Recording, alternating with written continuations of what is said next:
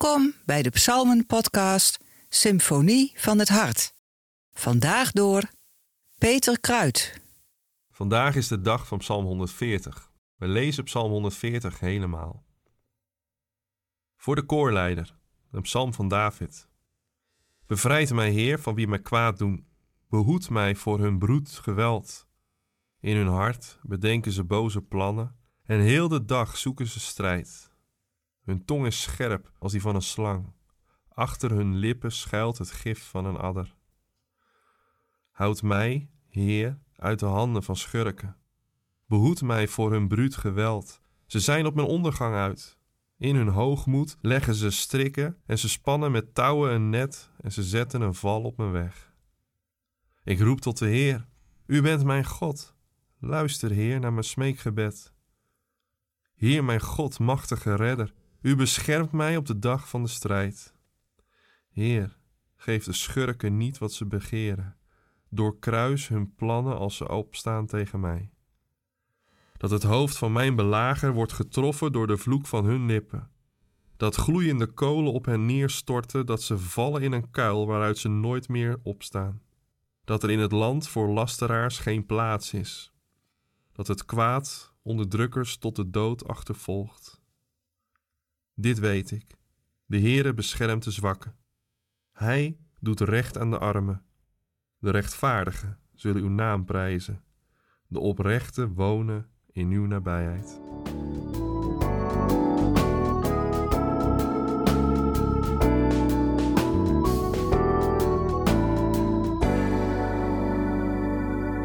In de Culture Code beschrijft Daniel Coyle het rotte appel-experiment.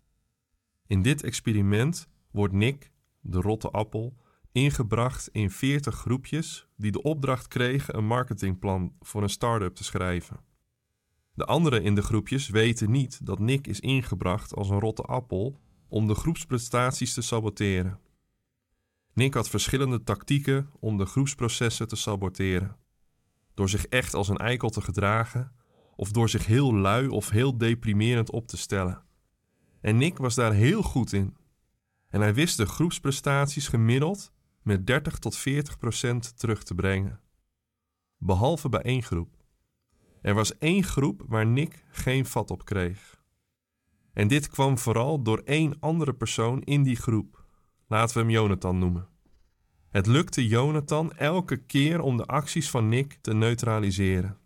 Was Nick een eikel? Dan maakte Jonathan een verbindende of warme opmerking waarmee hij de potentiële onstabiele situatie weer stevig maakte. Was Nick lui, dan ging Jonathan de groep voor in energie. Was Nick depressief, dan wist Jonathan de sfeer te openen met vragen, verhalen en ideeën.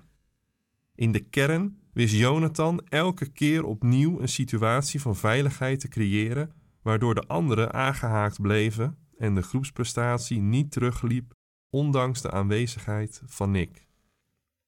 In veel, heel veel van de psalmen die we hebben gehad, is veiligheid een van de onderliggende fundamentele thema's.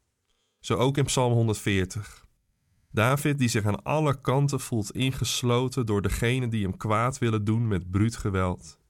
Die met hun boze plannen heel de dag de strijd zoeken.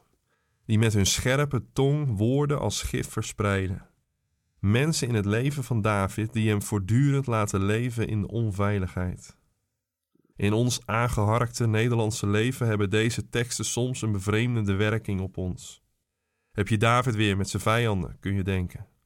Maar toch, velen van ons weten wat onveiligheid is.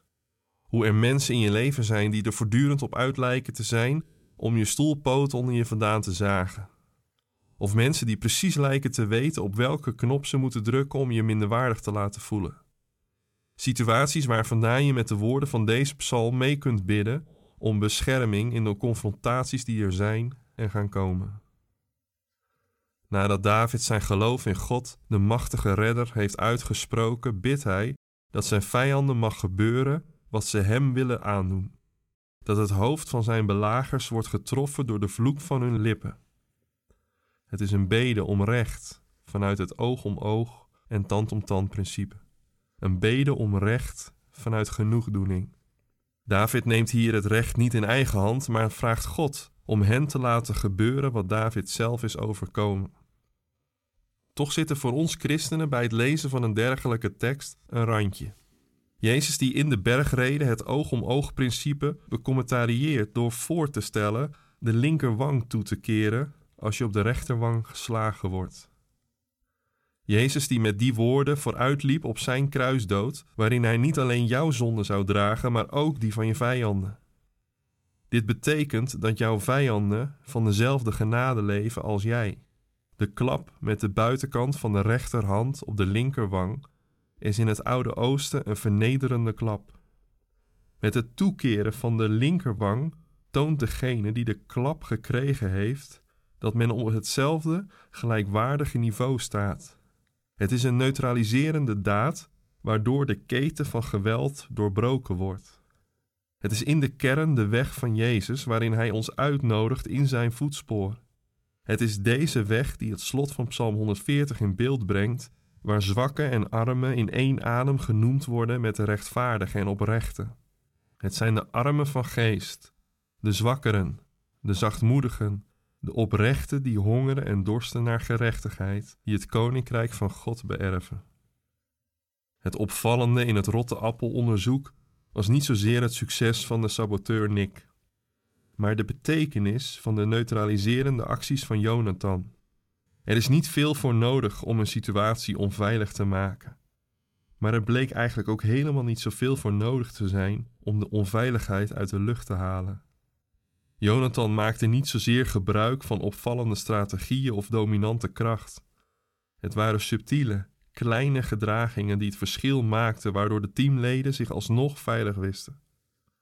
En vandaag mag jij bijdragen aan de veiligheid van de ander. En in de onveilige situatie waarin jij je bevindt, mag je op zoek gaan naar de weg van Jezus. Hoe doorbreek je de keten van geweld in woord en daad? Jij staat op dezelfde grond als de ander. Jij leeft van dezelfde genade als de ander. In Jezus' voetsporen heb je niets meer te verliezen dan wat Hij al gedragen heeft.